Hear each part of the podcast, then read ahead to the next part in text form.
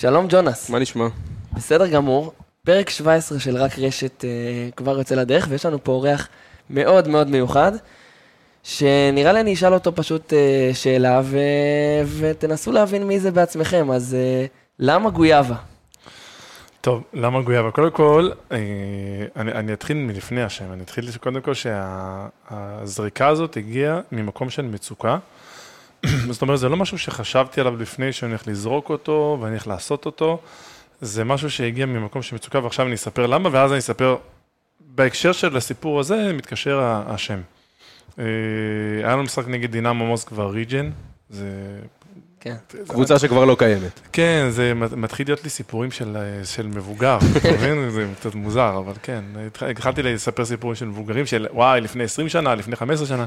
הייתה לה קבוצה כזאת, דינמו מוסקבה Region, היה גם דינמו מוסקבה. היה דינמו מוסקבה ודינמו מוסקבה היה כיף שהם היו קבוצות מאוד גדולות עם תקציבים ענקיים. וישרדנו נגדם אה, במסגרת היורופ קאפ, אז היה יורופ קאפ, היום יש יורו קאפ, קיצור. כן. דברים משתנים הרי כל הזמן, הליגות משתנות, כמו שהיורו ליג היה סופר ליג והיה זה, והתאחדו, וכל הזמן יש שינויים הרי בדברים האלה. והוא, והיה משחק נגד, ו, ועמדו שם שני רוסים ענקים. אה, ענקים זה 2.13 ו-2.15. אה, לאו דווקא, אתה יודע, מוכשרים, אבל, אבל אה, גדולים. מטריות. אטריות ארוכות, ואני, אחד ה... שאתה, המעבר בין נוער לבוגרים הוא מאוד מאוד קשה. זאת אומרת, אם הייתי עושה דברים מסוימים בנוער בקלות, כי לא הרבה שחקנים הם מעל גובה 2.04, 2.05, אז אה, אני מרחיב בסיפור. כן. אבל, אה, אבל זה מתקשר הכל. בקיצור, אה, חדרתי לסל ואחד הרוסים מנקה אותי עם איזה בלוק לתוך הקרש, ואני רגע, רגע, מה קורה פה, מה קורה פה, יש פה איזה משהו שאני פחות מכיר. וכמה תקפות אחרי עוד פעם, אני שחקן כזה שידעתי לכדרר וידעתי לעשות דברים, שזה היה אחד היתרונות יחסית לגובה. ואני כזה יותר, אתה ימינה, אתה שמאלה, חודר, ובא הרוסי השני, ובום, העיף את הכדור החוצה. אמרתי, שנייה, שנייה, רגע, בוא, אני רואה שללכת פנימה, זה לא הולך, אה, וצריך למצוא לזה פתרון. ואז אמרתי, רגע, אם אני אזרוק מטר, מטר וחצי, שתי מטר מאזור הטבעת, אה, אולי הם לא, אולי, אולי הם לא יצליחו להגיע. זה, משם מגיעה המחשבה, כאילו של רגע, בוא רגע נחשוב רגע איך אני פותר את הדבר הזה. כי, כי הרבה פעמים שאני רואה שחקנים שרוא, שהשחקן מחכה להם בתוך הצבע, והם עומדים מטר וחצי מהסל, והם נכנסים בכל זאת בכוח בשביל איזה מאבק כזה באוויר, ואני לא מצליח להבין למה. תזרוק מטר וחצי מהסל, זה הרבה יותר פשוט. אמרת נשתמש בפלוטר בעצם. כן, נסתמן לא- בפלוטר. לא היה אז פלוטר. זה שם שהגיע אחר כך. כן, זה גם, כי גם פלוטר יש דרך לזרוק, ואני כאילו זרקתי את זה בדרך קצת שונה. בדרך שלך. בדרך שלי, באופן טבעי. אגב, זה היה המקום הטבעי שעד לזריקת יצא, ועשיתי את זה פעמיים ברציפות באותו משחק. לא משהו שהתאמנת עליו לפני המשחק. לא משהו שהתאמנתי עליו לפני המשחק. אתה אומר, זה הכל כאילו מחשבה של שחקן בזמן המשחק, ש... כאילו, רוצה לקלוע. מבין את המשחק, רואה שבתוך הסל אני לא יכול, אז אני לוקח צעד אחורה, ואז אתה אומר, זה מה שהגוף שלי יוציא. נכון, זה מה שהגוף הוציא, ורגע אמרתי, ולמה הגויאבה? עכשיו הגענו, עכשיו הגענו להקשר של הסיפור הזה. מאזיננו מחכים, כן. פעמיים, פעמיים זה קרה באותו משחק הזריקה הזו, ואז נכנסים פנימה, ואורן נכנס פנימה, אורן היה אז עוזר מאמן של עודד. ואורן נכנס פנימה ואומר לי, מה זה היה, מה זו הייתה הגויאבה הזו שזרקת? ואז אמרתי לו, מה, מה קשור גויאבה? והוא אומר לי, היום ראיתי את השכן, הרי סיירנו בכפר בלום, אנחנו לא סיירנו בגלבוע גליה, סיירנו בכפר בלום, האמיתי אני קורא לזה. אה, והוא אומר לי, היום ראיתי את השכן כותב גויאבה מהעץ, יש לו דלי על הרצפה, על כל הפורות שהוא כותב, כותב וזורק את הגויאבה לדלי בדיוק כמו שאתה זרקת את הכדור היום. באותה גישה, ככה זרקת, ככה הוא זרק. אז יכול להיות שאתה חייב את הקריירה שלך לשכן של אורן עמיאל. אחד, קודם כל הוא לא יודע את זה, נכון, שהוא זרק גויאבה, אבל דבר שני, תשאל אותי, אני ממש ממש לא אוהב את השם הזה. לא? זה שם לא סקסי, זה שם לא יפה, אני לא אוהב את הפרי הזה, יש לו ריח שאני לא אוהב אותו. בדיוק דיברנו על זה, שזה או שאתה אוהב את הפרי או שאתה לא אוהב את הפרי. אני לא אוהב את הפרי בכלל, ושאני מריח ריח של גויאבה מרחוק, אני אומר איכס. קודם, לפני שהגעת היינו שלושה בחדר, שניים שונאים גויאבה ורק רועי שלצידי אוהב גויאבות. אגב, אין פה באמצע בפרי הזה. אין, זה בדיוק. זה או שאתה שונא את הפרי הזה, או שאתה ממש אוהב את הפרי הזה. הזריקה לא גרמה לך לאהוב אותו. אז ניסיתי, והריח שלו, מרחיק, הוא מרחיק. אנחנו בטוחים אבל שאת המילה גויאבה שכל כך מזוהה עם הזריקה שלך, אה, הרבה אנשים אה, אהבו בעיקר בגלל הזריקות האלה ש, שנכנסו. ואם עד עכשיו, אחרי חמש דקות שלמות, לא הבנתם מי יושב איתנו, אז אה, ליאור אליהו הגדול בכבודו ובעצמו, ונראה לי שזה הזמן לשים פתיח ולהתחיל. קדימה.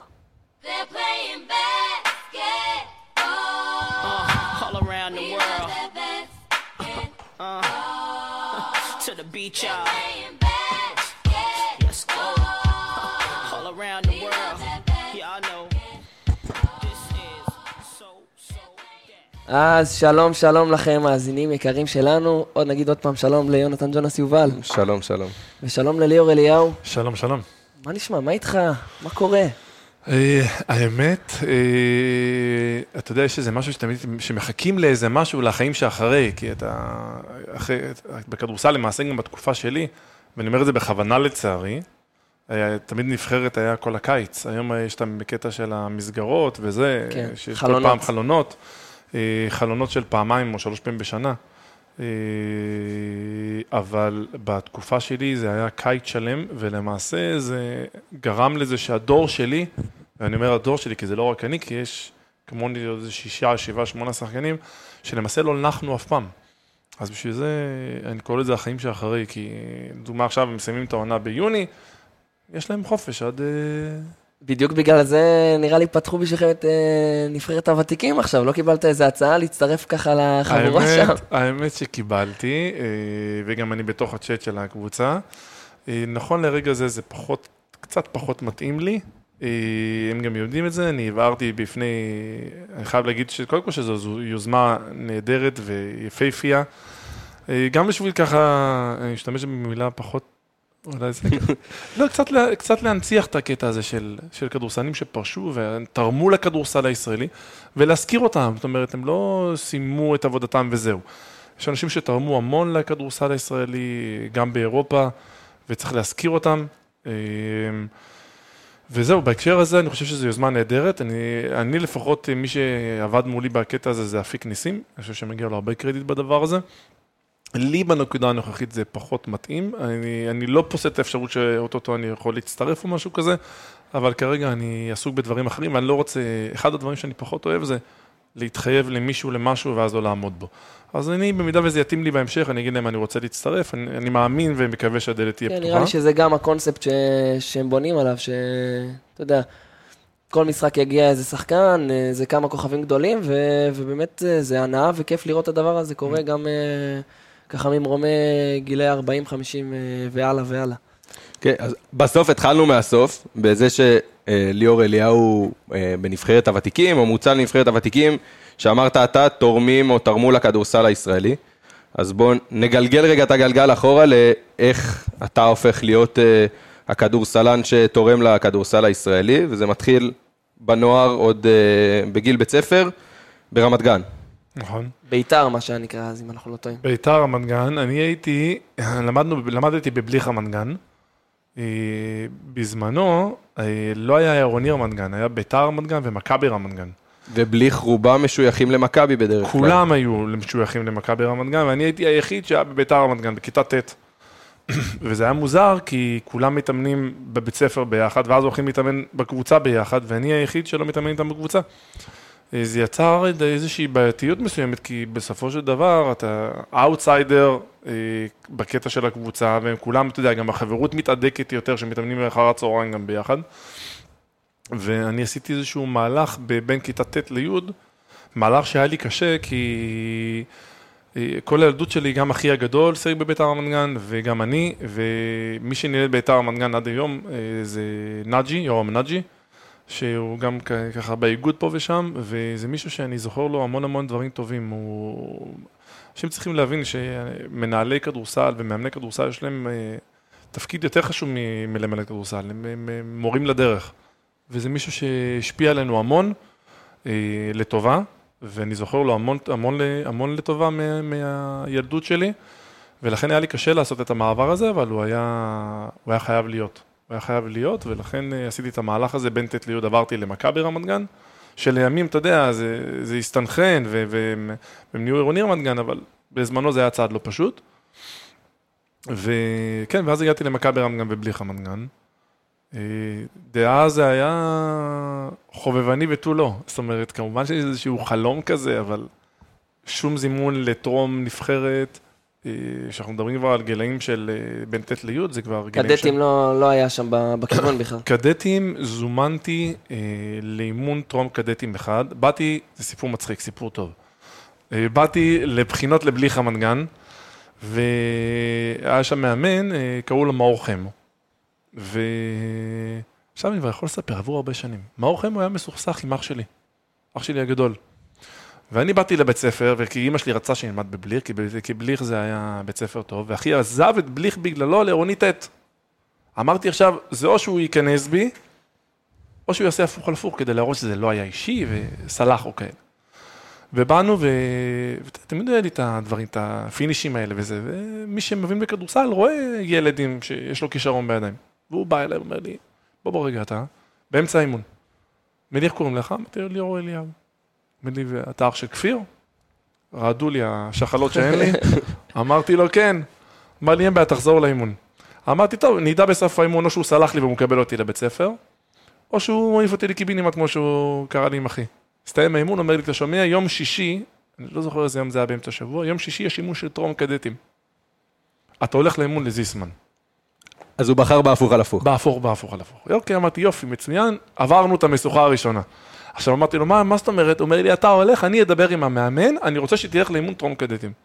הלכתי לאימון, עכשיו, לא הייתי בכושר של uh, לעשות אימונים מטורפים, הרי האימונים של הטרום קדטים, כשאני מסתכל אחורה, לא בשביל משהו, אני לא הבנתי אותם, עד היום אני לא מבין אותם. סיימתי קריירה שלמה ואני לא מבין את הדברים שעושים שם, את הדברים שמלמדים שם. אני חושב שהם לא כל כך קשורים לכדורסל האמיתי, אבל לא משנה, זו שיחה אחרת, אולי נגיע אליה בהמשך. והוא בא, ובאתי לאימון, היה שם מאמן, ננו גינזבורג. בסוף האימון ניפו אותי.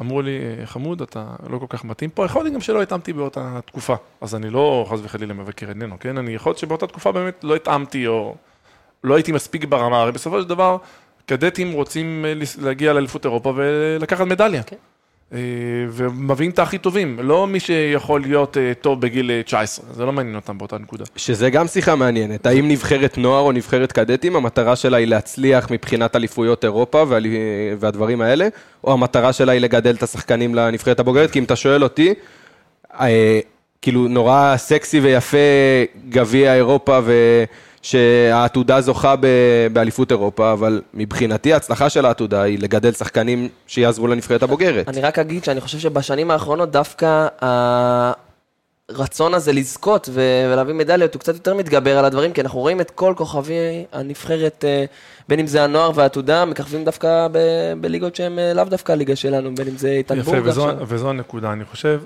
שנבחרת המטרה שלה, שהיא נמצאת באליפות אירופה, היא כן להביא הישגים. המטרה של לגדל שחקנים היא לא שייכת לנבחרת שהולכת לאליפות אירופה. היא צריכה להיות של האגודות, והיא צריכה להיות של הבתי ספר, שם צריכים לדעת לגדל שחקנים.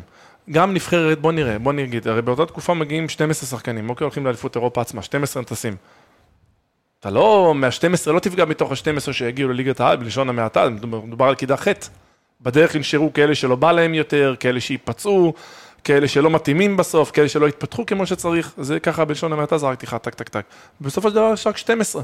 אז אני חושב שאת ה-12 האלו כן צריכים, כן צריכים, זאת אומרת, להילחם על, על הישגים, כי זה הפנים שלנו כמדינה, וחובת ההתפתחות של השחקנים עצמם, לפי דעתי, צריכה להיות על האגודות, על המאמנים שמאמנים את השחקנים האלה יום-יום בקבוצה שלהם, סלאש בבית ספר, עליהם חלה חובת ההתפתחות, לפי דעתי. כן, לא, אני רוצה ללכת אחרת. נגיד, אנחנו מסתכלים היום, אה, שחקנים בגיל 17, הדוגמה הכי בולטת, בן שרף שמככב לנו בליגה הלאומית.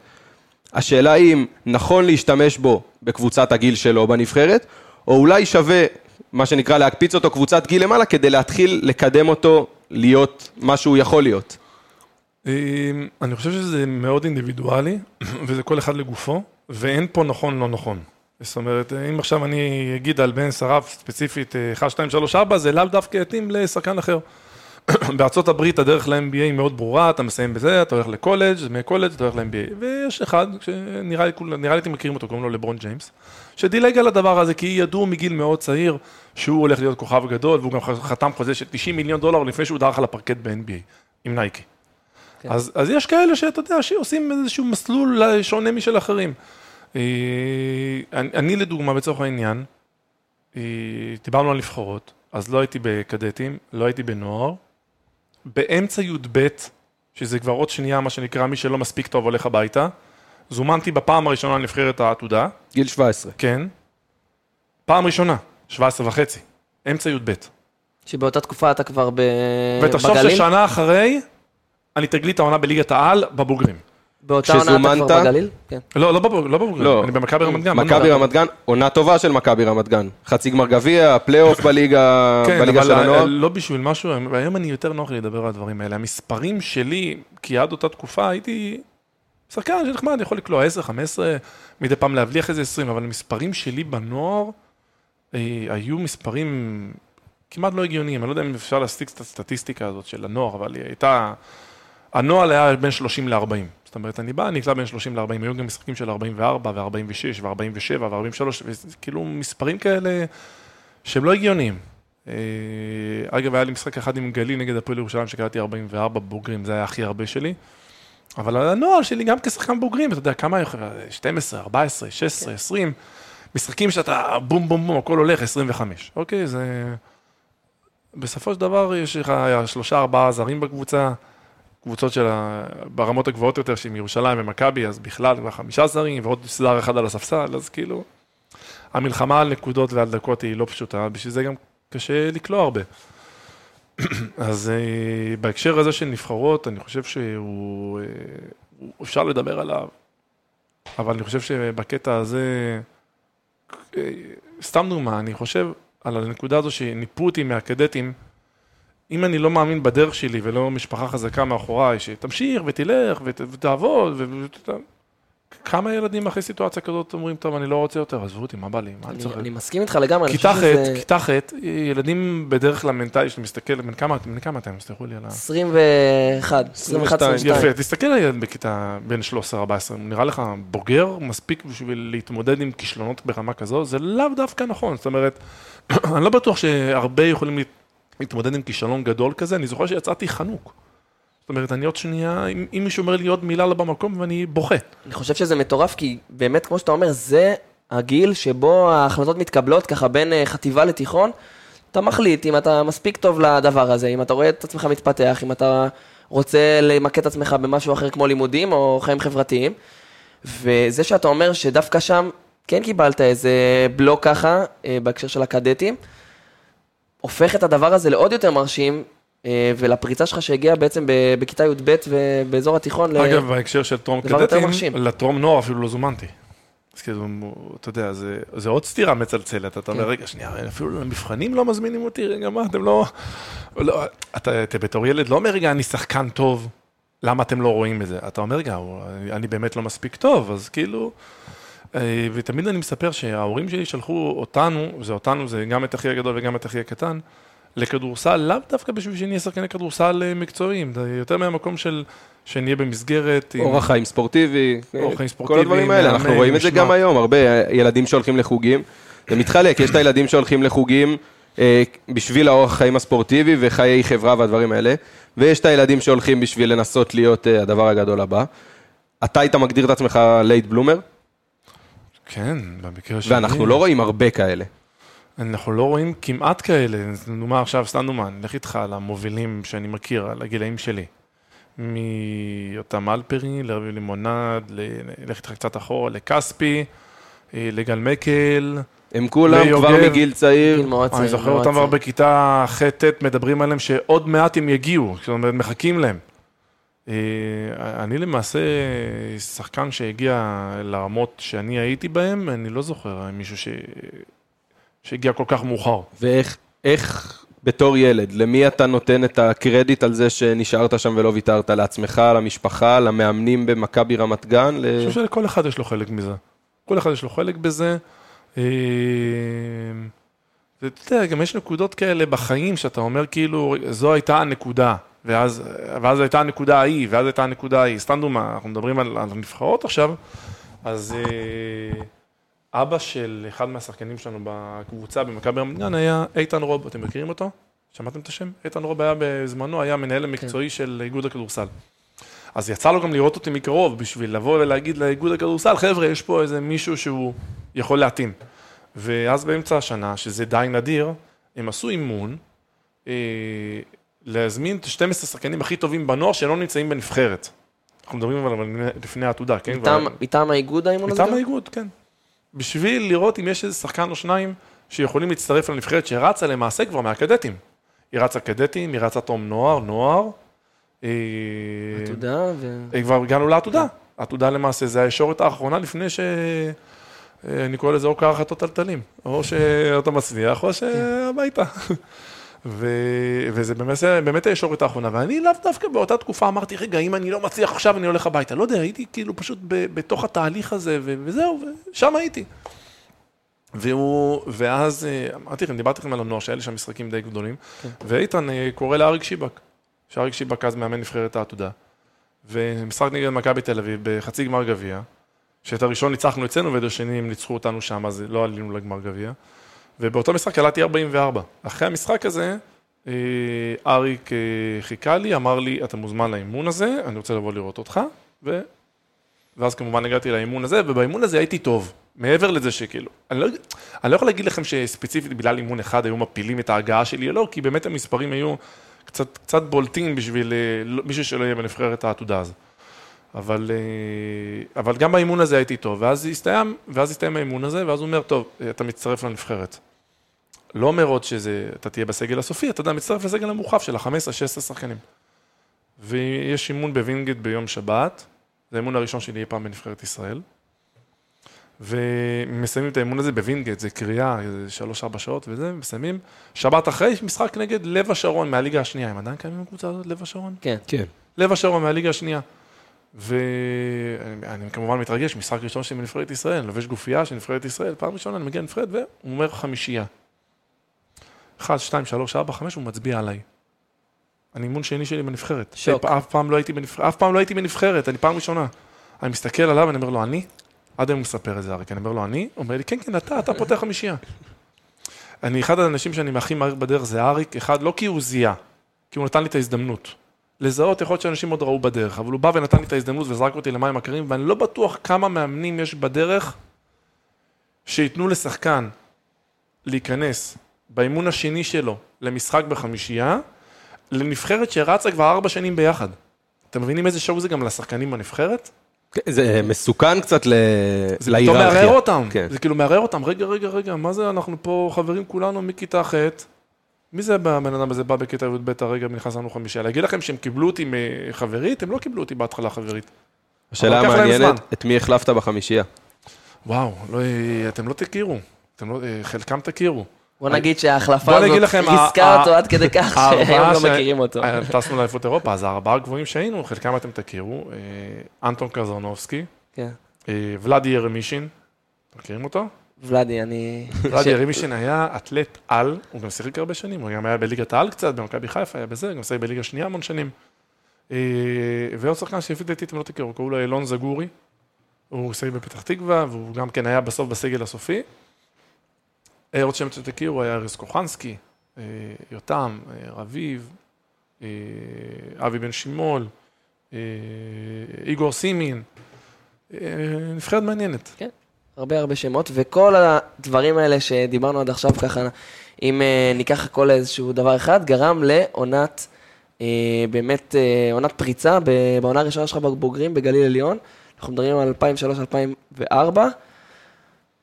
אתה מסכים איתי שזה משהו חריג לראות מילד בן 19, עונה כזו, בטח במושגים של היום שלא כל ילד בן 19 מקבל את ההזדמנות. אני יכול אולי להצביע על שני אה, חבר'ה בליגת העל שמשחקים בגיל הזה, אולי פריצקי ונועם יעקב. אה, ונועם דוברת שקיבל כן. בראשון לציון לפני כמה שנים, כן, אבל... כל פעם יש איזו הבלחה של נכון, איזה אבל- אחד. אבל זה לא משהו עקבי שאנחנו רואים. נכון, לצערי, אה, זה גם משהו שאפשר לדבר עליו הרבה. אנחנו עוד כי- ניגע הרבה בסוגיית השחקן הישראלי. כן, אני סביר להניח שהוא סוגיה... בכותרת. אני אתן לה עצובה. אבל אה, לאו דווקא בגלל השחקן הישראלי, בגלל הרבה דברים, אנחנו ניכנס לזה עוד מעט. אבל בגדול, אה, רגע, תזכיר לי על מה דיברנו. על העונה. בגליל, העונה על העונה הראשונה. בגליל. העונה הראשונה היא דווקא מתחלקת לשניים. מי שהביא אותי לגליל זה חנוך מינץ, שהיה המאמן שלי בגליל, שהיה המאמן האישי שלי אז, והוא הביא אותי לגליל, ודווקא בחצי שה- שנה הראשונה שהוא היה, והוא זה שהביא אותי לגליל, לא שיחקתי הרבה. דווקא בשנה השנייה, אה, בחצי השני, אה, מי שמונה זה היה ארז ביטמן, אה, פיטרו את חנוך, והיה שחקן בעמדה שלי שקראו לו מרק דייוויס, אתם לא תכירו אותו, למרות שהוא היה כוכב NBA לפני שהוא הגיע לגליל עליון, אין לי מושג איך הוא הגיע לגליל. והוא קצת מירר לי את החיים. הוא היה מציק לי, ואז אחרי שחנוך עזב, למרות שהוא נתן לי לשחק הרבה, אני זוכר איזה אימון שהוא בא אליי, אומר לי, אה, אבא שלך עזב עכשיו, אבא שלך עזב, כאילו... עקיצות כאלה לא נעימות, בטח לא לילד בן 18. ודווקא, ואחרי זה, אה, כשאנחנו מדברים על נקודות ש, שהמזל משחק בהן, אה, ארז ביטמן החליט להעיף אותו. אה, וחתך אותו. וזה נתן לי אפשרות, קודם כל, מנטלית קצת לפרוח, עם איזה איזה שחקן בוגר אמריקאי שיושב לך על הראש, כי הוא יכול להציק לך ויכול להפריע לך. וגם מעבר לצד, הדבר השני זה שפתאום אה, התחלתי לשחק איתו. ואז פתאום היה משחקים של 8, 10, 12, לתור ילד בן 18, אה, זה, זה הקפיצה הגדולה עצמה דווקא הגיעה בשנה אחרי זה, בשנה השנייה בגליל. עם עודד קטש. כן. אה, שזו הייתה שנה... אז, אז נקרא לשנה הראשונה שנת ההסתגלות, כן. לגליל, לבוגרים, כי בכל זאת אתה ילד בן אה, 18 שעובר לבד, או עם המשפחה לבד, לגליל. וצריך את הזמן הזה להסתגל גם למשחק בוגרים שהוא משחק אחר, וגם גם- לגור לבד. גם ב- לסביבה, לסביבת בדיוק. הכדורסל, אה, בכל סיפור זאת. ממש בקצרה. כשעברתי לגור בגליל עליון, זה למעשה הפעם הראשונה שהייתי מחוץ לבית, ואני ילד של בית, של אמא ואבא, והם תמיד מחבקים ומנשקים וזה. והיה לי כל כך קשה, שהתקשרתי לאחי הגדול, אמרתי לו, עכשיו תבוא תיקח אותי. ואחרי שבוע בגליל, אה, היה לאח שלי רעיונו קנגו, כזה מסחרית, בא אליי הביתה, ארזנו את הכל, חזרנו חזרה למכבי רמת גן, אז היו בליגת העל, ישראל לב היה המאמן שלהם. וזה הרגיש לי כזה, אה, כאילו במכבי רמת גן, כאילו משהו לא טוב קורה שם. וסיימתי את האימון שבאתי למכבי רמת גן, ו... ואמרתי לאחי, עשיתי טעות, אני צריך לחזור לגליל. וחזרתי לגליל. כבר פרקתם את הרכב? פרקנו את הרכב, הכל בבית. הוא שנא אותך אז. אה, אחי הגדול יש לו... הוא מכיל. מעבר לזה שהוא הכיל, הם- הם- המשפחה שלי ליוותה אותי לאורך כל הדרך, אה, ויש להם הרבה נקודות זכות ב- במה ש- במה שהצלחתי להשיג. דיברנו על העונה השנייה אה, שהיא הפריצה, אז המספרים כבר מתחילים אה, להיות מספרים של שחקן מוביל, אם זה 14 וחצי נקודות למשחק, בפלייאוף זה עוד עלה למעל 18 נקודות למשחק. ו- אגב, בזמנו זה היה הכי הרבה בישראלים. כן, ועדיין, הגישה הייתה שאתה עוד צריך להשתפר. פיני גרשון אז, בריאיון, אמר שאתה לא יכול לקלוע סל מארבע מטר. ציטוט של פיני גרשון. נכון, אני זוכר את זה. עזר לך? הפריע לך? הזיז לך? לא, כי גם אחרי זה פיני אימן אותי ועדיין לא זרקתי מארבע מטר, והוא נתן לי לשחק 30 דקות ביורוליג. אבל אה, כי, כי לא כל שחקן בנוי לעשות אה, 1, 2, 3, 4, ואתה מביא איתך, דברים אחרים. הבאתי את הראיית משחק, את הפינישים באזור הסל. אה, עם, עם פיני, בלי לזרוק מארבע מטר והלאה, אה, זכיתי שחקן לחודש ביורוליג, שאף ישראלי לא עשה את זה לפני, עד היום. אה, עשו את זה זרים במכבי. עכשיו מי זכה? ברודווין זכה. כן. רק זרים עשו את זה. וזכיתי שחקן לחודש ביורוליג בלי לזרוק מארבע מטר עם פיני. דצמבר 2008. נכון, ולפעמים גם למאמנים לוקח להבין מי אני. אני זוכר שהגעתי בשנה הראשונה למכבי, סיפור מצחיק, ובא אליי נבן ספחיה ואומר לי, You are not going to shoot this shot with me. אמרתי לו, מה, עכשיו אני לא יודע, חצי מהזריקות זה, שלי זה כמו הגויאבה." שתגיד לסטף קרי, אתה לא זורק שלשות. כן. כן, ואז כאילו אמרתי, טוב, מה אני אעשה? ונראה מה יהיה. באימון השני עשינו תרגיל במיוחד שאני, בשביל הזריקה ל baseline. baseline screen, שאני עובר למטה, מקבל את הכדור ויוצר את הזריקה שלך. אז לפעמים לוקח לאנשים לעכל ראיון מסוים או שחקן מסוים. אגב, היו לי גם כאלה שלא עיכלו אותי, והיה קשה איתם. ואם נדבר באמת אה, על, העונות הבאות, ו, ונשים איזושהי עוד נקודה, אה, ככה בסוף עונת 2005-2006, שבה באמת גם שיפרת את הממוצעים, גם זכית במלך הסלים הישראלי, גם השתת- אה, גליל השתתפה ב- ביורו-קאפ, אה, אז באמת עונה מרשימה מאוד. קיץ 2006, הסוגיה המרכזית, דראפט ה-NBA, ואני רוצה שבאמת תספר לנו את כל גלגול העניינים של ליאור אליהו נבחר אה, בדראפט אה, על ידי אורלנדו, והזכויות של ליאור אליהו ב-2019 מועברות באחד הטריידים. מה, איך זה קורה? מה, בבחירה עצמה? אני אומר, זה התחיל בבחירה בסיבוב שני 44, וזה הסתיים בשנת 2019, שאנחנו שומעים שכחלק מאחד הטריידים, הזכויות של ליאור התגלגלו. זה מה שהיה עם גולדנסטייט, כן. משהו? אין לי מושג מה היה שם, אני אפילו לא שמע, אני שמעתי את זה מהתקשורת, אוקיי? כאילו, לא יודע, אני גם לא יודע מה קרה שם בשביל שזה יקרה הדבר הזה. עד היום אני לא יודע, אגב, אפילו לא התעניינתי בזה, אין, אני בשבילכם, הנה פה, אני אומר לך, אף פעם לא דיברתי על זה בחוץ, אפילו לא התעניינתי בזה. זאת אומרת, כששמעתי משהו, לא התעניינתי מה היה. זאת אומרת, זה לא עניין אותי כי, כי זה ברור מאליו שזה לא... כן. אה, באותה תקופה מה שהיה, אני, אה, אני סיימתי את העונה בגליל, אה, הייתי אמור להגיע למכבי תל אביב, במחשבה שאני לא הולך לשחק הרבה במכבי, כמו הרבה ישראלים שמפחדים להגיע לשם. הסוכן שלי, אני שבועיים לפני, אה, יש פה הרבה הסתעפויות וסיפורים מאחורי הקלעים. אה, הסוכן שלי, אני הייתי במחנה של ריבוק, של השחקנים האירופאים הכי טובים עד גיל 20, בטרוויזו. נסעתי לטרוויזו, אגב, בהקשר של הנקודות זכות של ההורים, ההורים שלי באו ללוות אותי. לא בשביל למחוא לי כפיים באימון או במשחק, עצם זה של להיות שם אחרי אימון, לאכול משהו ביחד. אה, זה מספיק ונותן אנרגיה וכוח. בדיעבד שאתה מסתכל אחורה, אתה מבין כמה זה נותן. ו... וכל ה-GMs של ה-NBA מגיעים לשם לראות את השחקנים, כי הם באים לראות את האירופאים הכי טובים עד גיל 20. ונסענו, והיה לי שיחות שם עם כמה general managers, שלמעשה אף אחד לא אמר לי, אנחנו רוצים. אה, וזה מה שהיה מוזר, כי היה לי שיחה עם ה general manager של יוסטון, זאת אומרת, והתחושה שלי הייתה שהוא לא... זאת אומרת, שיחה כמו כל שיחה של אה, מה אתה עושה, זה, אתה יודע, שיחה כזאת. על הא ועל דא אני קורא לזה, אבל שום דבר, ב... אנחנו הולכים לבחור בך, רוצים לבחור בך. ומה שהיה מוזר זה שהם, הם, לא רק שהם בחרו בי, הם בחרו בי ב trade. זאת אומרת, הם קנו את הבחירה מאורלנדו. כן. הרי מי ששם לי, מי שיודע, מי שראה את הבחירה, אז אמרו, אורלנדו בוחרת בליאור אליהו ב trade ליוסטון. זאת אומרת, זה לא, ה tr- ה trade לא נעשה אחרי.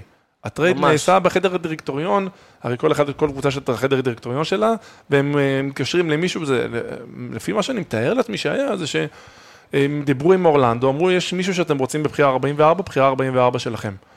ליוסטון בדראפט הזה בחר שתי שחקנים, אתם מבינים כדורסל, נכון? כן. אה, את אירון ברוקס ואת קארל לנדרי, אוקיי? הם בחרו אותם 32, והבחירה היותר גבוהה, הם בחרו את אירון ברוקס. והם, אה, וכנראה שאורלנדו אמרה להם, לא, אין לנו מישהו שאנחנו רוצים ספציפי, אנחנו, כאילו, יש לנו בחירה, אנחנו נבחר, אבל אם לא, אז... והם קנו את הבחירה, וככה אמרו, אוקיי, אנחנו רוצים את אה, ליאור, תבחרו בו, ואנחנו ב trade, ב trade אלינו. וזה מה שקרה. אז זה, זה יצר בעיה מאוד גדולה. אחד, זה הפך אותי לשחקן של יוסטון, שלא מתחייבת לחוזה אליי, ו...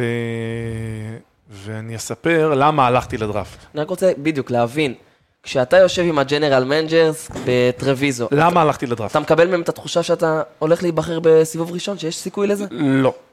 אבל בכל זאת אתה מסכים ורוצה... למה אני. הולך לדראפט? אני, אם תסתכלו ותיכנסו ואפשר לבדוק את זה, אני נרשמתי רק יומיים לפני הדראפט ל-NBA.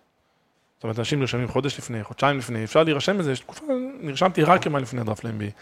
הייתה לי קבוצה שהייתה אמורה לבחור בי, אחרי 44, בהבטחה לחוזה. וואה, מינסוטה? לא יכול להגיד את השם, אסור להגיד כי זה לא חוקי. 20 שנה עוד מעט. כן, יש דברים שאסור לדבר עליהם. אני לא אגיד את שם הקבוצה, כי אני לא יודע אם יש יכול להיות התיישנות בדברים האלה, ב-NBA וכאלה, אני לא אגיד. וזו הסיבה שהלכתי. לא הייתי הולך בחיים, אני אמרתי שאם אני אגיע ל-NBA יום אחד, מי חשב על זה אז בכלל באותה תקופה, אבל אמרתי שאם אני אגיע ל-NBA יום אחד, אז יהיה בפרי אגנט, זאת אומרת, אני מגיע, לא צריך להיות, לא צריך להיבחר בדראפט. אני אהיה מספיק טוב באירופה, סליחה, אני מספיק טוב באירופה ביורוליג, יעשה ממוצעים של 10, 12, 13, וכמו הרבה שחקנים שהם מגיעים ליורוליג, מגיעים ל-NBA מהיורוליג. ו, ובגלל זה הלכתי. עכשיו, זה יצר המון בעיות, כי יוסטון באותה תקופה חשבה ש, אה, שזה לא מתאים, ולמעשה הם לא מחויבים. ואני חזרתי לאירופה, ואחרי שנה טובה במכבי, אה, אה, עברה עוד שנה ועוד שנה, שבאותה תקופה אמרו לי, חכה עוד קצת, עוד קצת, עוד קצת. אתה גם, אתה גם בתור שחקן צעיר, בן 20-21, אה, פורח ביורוליג, אבל אומר, רגע, שנייה, זה NBA, אולי לא מתאים, אני לא פחות, לא פחות מבין בדברים האלה. ו... ומה שקרה זה שאחרי שאנחנו מדברים על שחקן לחודש ב... בדצמבר, זה גיל מאוד מוקדם, אנחנו מדברים גיל, גיל 23. כן. אה, קיבלתי את החוזה בוויטוריה, ואז זה הפך אותי לשחקן מאוד יקר. אה, תמיד, איך התג מחיר שלך נקבע? שמישהו משלם לך אותו. כאילו, אתה לא יכול לקבוע לעצמך, טוב, אני רוצה 10 מיליון דולר, אתם, התג מחיר שלי הוא 10 מיליון דולר, אתה לא, זה לא בצורה כזאת. התג מחיר שלך נקבע לפי מי שמוכן לשלם לך כמה. וויטוריה, סגרתי חוזה מאוד גדול, ואז זה הפך אותי לשחקן מאוד יקר מבחינת נטו, וזה הפך אותי לשחקן בעייתי גם כי הזכויות שלי שייכות לקבוצה ספציפית ב-NBA, שגם שילמה על הבחירה שלי. זאת אומרת, עכשיו מה שקרה זה שפתאום הייתה איזו קבוצה שהתעניינה ורצתה, ואמרו להם, טוב, אז תשלמו לנו על הבחירה שלנו איקס כסף.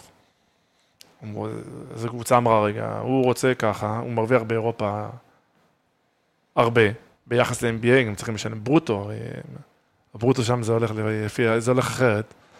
והם... אה, ואנחנו צריכים גם לשלם על זה, ואנשים, וככה התפספסו הזדמנויות שהיו בדרך. ממה שאני מבין מהדברים שלך, אז ל- להיבחר סיבוב שני בדראפט, שם אותך נקודה נוראית. בנוראית, ממש נוראית. לא לא טובה, נוראית, אלא אם כן, הקבוצה מבטיחה לך, ואתה רואה את הרצינות שלך, שלה כלפיך, והיא באמת מממשת את האופציה, אבל בגדול, אין שום סיבה להיבחר בסיבוב השני. אני חושב שזה דבר שהוא אני- אה, אני- עושה רק רע.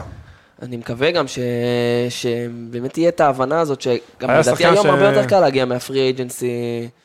ברור, אה, אין שום מאשר- סיבה, אני לא מבין, אני חושב שהדראפט אה, צריך להיות 1 עד 30, אני לא חושב שיש צורך ב-31 עד 60 הזה. אלא אם כן יש איזה מנו ג'ינובלי ככה מ- ממרומי המקום כן, אבל על כל ה-57. סיפור אחד כזה ניתן לך 300 הפוכים. ברור, ברור. אה, אז אה, המשכת במכבי תל אביב, עונה אחת אה, קצת יותר קשה עם צביקה, גם קצת יותר קשה לקבוצה, איבדו את האליפות באותה עונה. ועונה אחרי זה עם פיני, דווקא יש שם איזושהי כן צמיחה, וספר על ה... באמת על ה... נקרא לזה הקדנציה הראשונה במכבי תל אביב. עם מי כן יותר הסתדרת, השחקנים שאתה זוכר, ומבחינה אישית, איך אתה חושב שזה פיתח אותך? אז הקדנציה הראשונה מתחלקת לשלוש. ממש כל שנה הייתה לה את הנשמה שלה, אני קורא לזה. השנה הראשונה, שנת הפריסה עם אה, נבן, עם ספחיה, ש...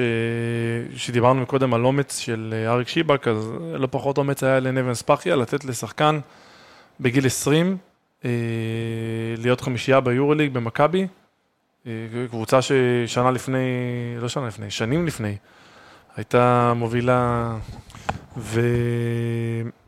וצריך לתת לו הרבה קרדיט על העניין הזה, אני לא חושב שהרבה מאמנים היו נותנים לשחקן אה, בגיל מאוד צעיר לתת, לשחק חמישייה ולתת לו את הביטחון. אה, וזהו, ואז השנה השנייה, אה, שהייתה שנה מטלטלת מכל הכיוונים, עודד הגיע וצביקה החליף אותו,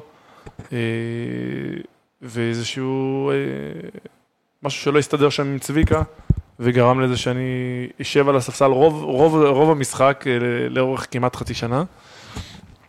שזה נתן לי, אה, זה עיכב אותי מאוד בהתפתחות כשחקן, כי זה שיא של, שיא של התפתחות, זאת אומרת, בטח אה, שחקן של, לפחות למה שרציתי להגיע, מה שיכולתי להגיע, אבל זה גם בנה אותי, את האופי שלי, את ההתמודדות עם קשיים וסיטואציה לא פשוטה בכלל.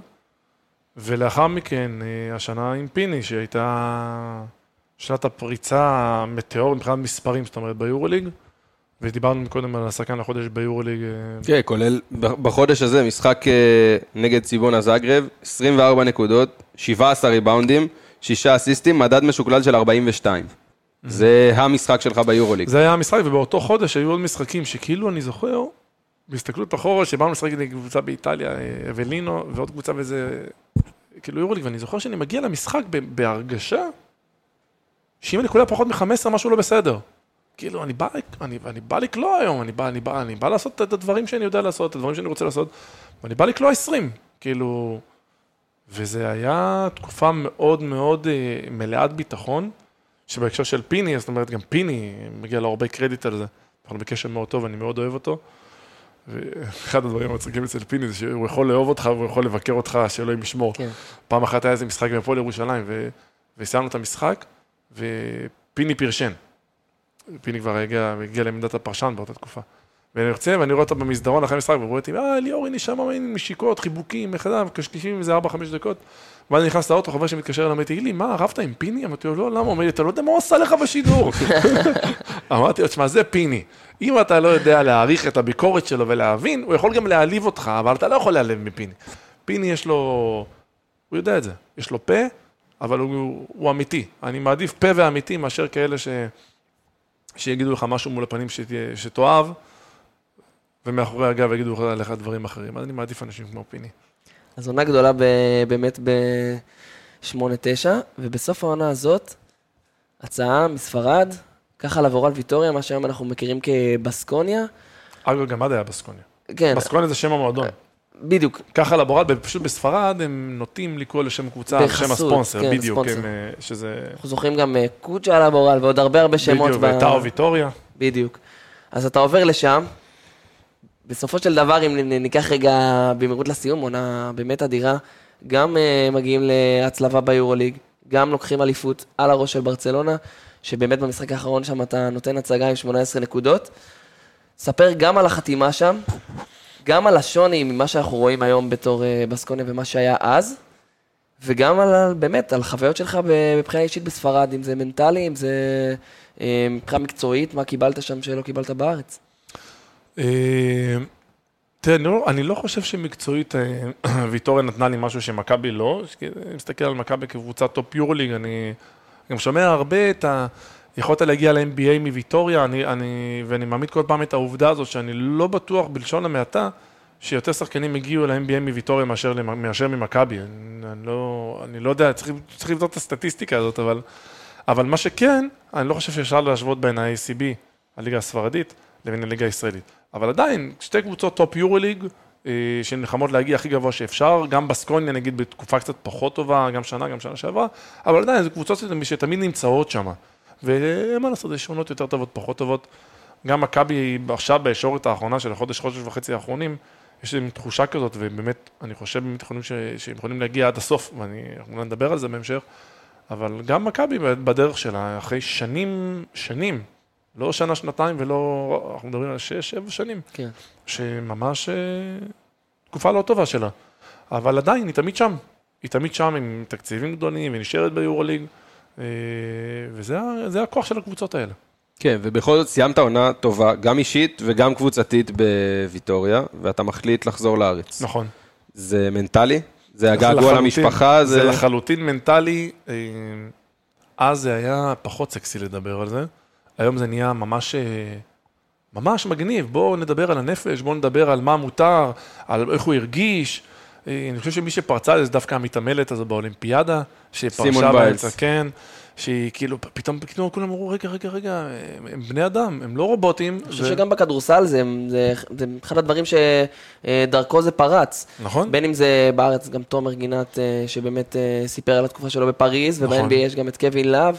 נכון. אה, ו... אז, כן. אז אני באותה תקופה אמרתי, שנייה, אני, הבדידות פה הורגת אותי. אה, הגעגועים למשפחה, לחברים, זה חלק מ... אה, אתה בעצם חי שם לבד לגמרי בשנה. חי שם לבד, בסוף בת הזוג שלי בזמנו הצטרפה. אבל, אבל אתה יודע, זה כאילו גם לחיות עם מישהי באינטנסיביות כל כך גדולה, כי אין לך שום דבר אחר, אז זה גם כן מתיש ומציק. ו... ואני זוכר שאני חוזר לארץ אה, לתקופת הקיץ לנבחרת, ואני מתעורר בלילות עם גלי חום מהמחשבה שאני צריך לחזור לשם. כאילו, אומר, רגע, אני, אני אשכרה מעלה חום עכשיו, אני מרגיש שאני מעלה חום מהמחשבה שאני צריך לחזור לשם. ואז אמרתי לעצמי, בואו בוא נראה איך עושים מהלך. אה, אה, למזלי, דיברנו קודם, בפעם, באחד המשפטים הראשונים שלי, אמרתי לכם על צמתים שיש בדרך. אז זה צומת מאוד מאוד מרכזי, כי אני באותה שנה שעזבתי את מכבי, אז מכבי איפשהו ויתרה, כי אני לא רציתי לעזוב, אה, אבל אה, גם לא יכלו להילחם בכסף הזה שוויטוריה הציעו לי. ומכבי באותה שנה הפסידה את האליפות, ואני באותה שנה זכיתי באליפות ספרד. אז כאילו זה הרים אותי קצת והוריד אותם קצת, וגרם למשא ומתן החדש, המחודש, זאת אומרת, כשהגעתי לקדנציה השנייה, לרקום עור וגידים מאוד מהר ומאוד, ב- ב- ב- בעוצמה מאוד גדולה, כי כי... כי הם הרגישו שהם מאוד צריכים. שהם צריכים, גם מדובר על חוק רוסי עד אז, וישראלים אה, שיכלו לעשות את המספרים שאני עשיתי, אז הם יהיו שוברי שוויון, לא בשביל משהו, לא היה אז עוד אחד כזה, אז, אז מבחינתם היה שובר שוויון, הם יכלו, והם השקיעו הרבה באותה תקופה, ובשביל זה גם החזרה הייתה, קרתה, אני לא בטוח שהיא הייתה יכולה לקרות, אם לא הסיטואציה שהם מפסידים את האליפות ואני זוכה באליפות, וזה מעלה אותי וקצת מוריד אותם. אבל אה, זה חלק מהעניין של צמתים, ואתה יודע, דברים שקורים כן. באורך הקריירה וגור- וגורמים לך לעשות איזשהו מהלך. אתה חוזר הביתה וזה מרים אותך בצורה אחרת לגמרי, אתה מרגיש פה שונה לגמרי ממה שהרגשת בספרד. אני חוזר גם במעמד אחר, בסופו של דבר בקבוצות האלה אתה חוזר, אה, את- ה- השכר שלך הוא המעמד שלך הרבה פעמים. אה, וחזרתי במעמד אחר לגמרי, אה, גם אחרי אליפות ספרד, אה, למעשה כבר שחקן מוביל ביורוליג. אתה עוזב להיות זר ביורוליג בספרד, זוכה באליפות ספרד, קבוצה שמגיעה לטופ 8, אוקיי, הפסדנו, בהצלבה לצ'סקה, שהיא זכתה גם באליפות אירופה. אה, אבל, אה, אבל שם אותנו, שם אותי בנקודה של שחקן מוביל ביורוליג אה, ישראלי, ו, וזה היה מעמד אחר כבר, ובאמת גם עונה גדולה בכללי של, של הקבוצה. של הקבוצה. מגיעים אה, עד לגמר, הפסד שם לפנתנייקוס ב, בגמר. אה, בברצלונה, באמת, ספר לי גם על התחושות מהפיינל פור הזה, לראות שם באמת, בהיכל צהוב בממדים אה, כאלה אדירים. גם על פרגו ופרקינס, צמד גארדים הכי גדול ששיחקת איתם, אתה יכול אה, להגיד ששיחקת עם אה, צמד יותר טוב, וגם על התחושות בכללי מהעונה הזאת, כי הרבה אומרים שהקבוצה הזאת ב-10-11 הייתה אה, יותר, קבוצה, יותר טובה מהקבוצה שזכתה אחר כך בלעדיך ב-13-14 ביורליג, ויותר קרובה לקבוצות של אה, תחילת אה, שנות האלפיים, ככה של שרס ופארקר. אני, אני חושב שהיינו קבוצה, זה, זה, אי אפשר להגיד את זה על כל קבוצה, גם כאלה שזוכות, מרגשת. ולא הזכרתי את סופו אפילו, כן, בדיוק. מרגשת. היינו, אני זוכר גם שהיינו היינו שוברים קבוצות בלחץ, היינו שוברים את ה-2-2-1, דיברת על צמד, אז פרגו ופרקינס כאלה מקדימה, שהם אה, שני אה, אמסטפים, ובקו השני אה, בלו והנדריקס, או אני והנדריקס, או אני ובלו כזה, שת, שתי ארוכים כאלה, שחשים את המשחק. ומאחורה סופו שמתאבד על הכדורים, על כל הכדורים האלה שניסו לזרוק כל המגרש, הם זוכרים, סופו היה מתאבד עליהם.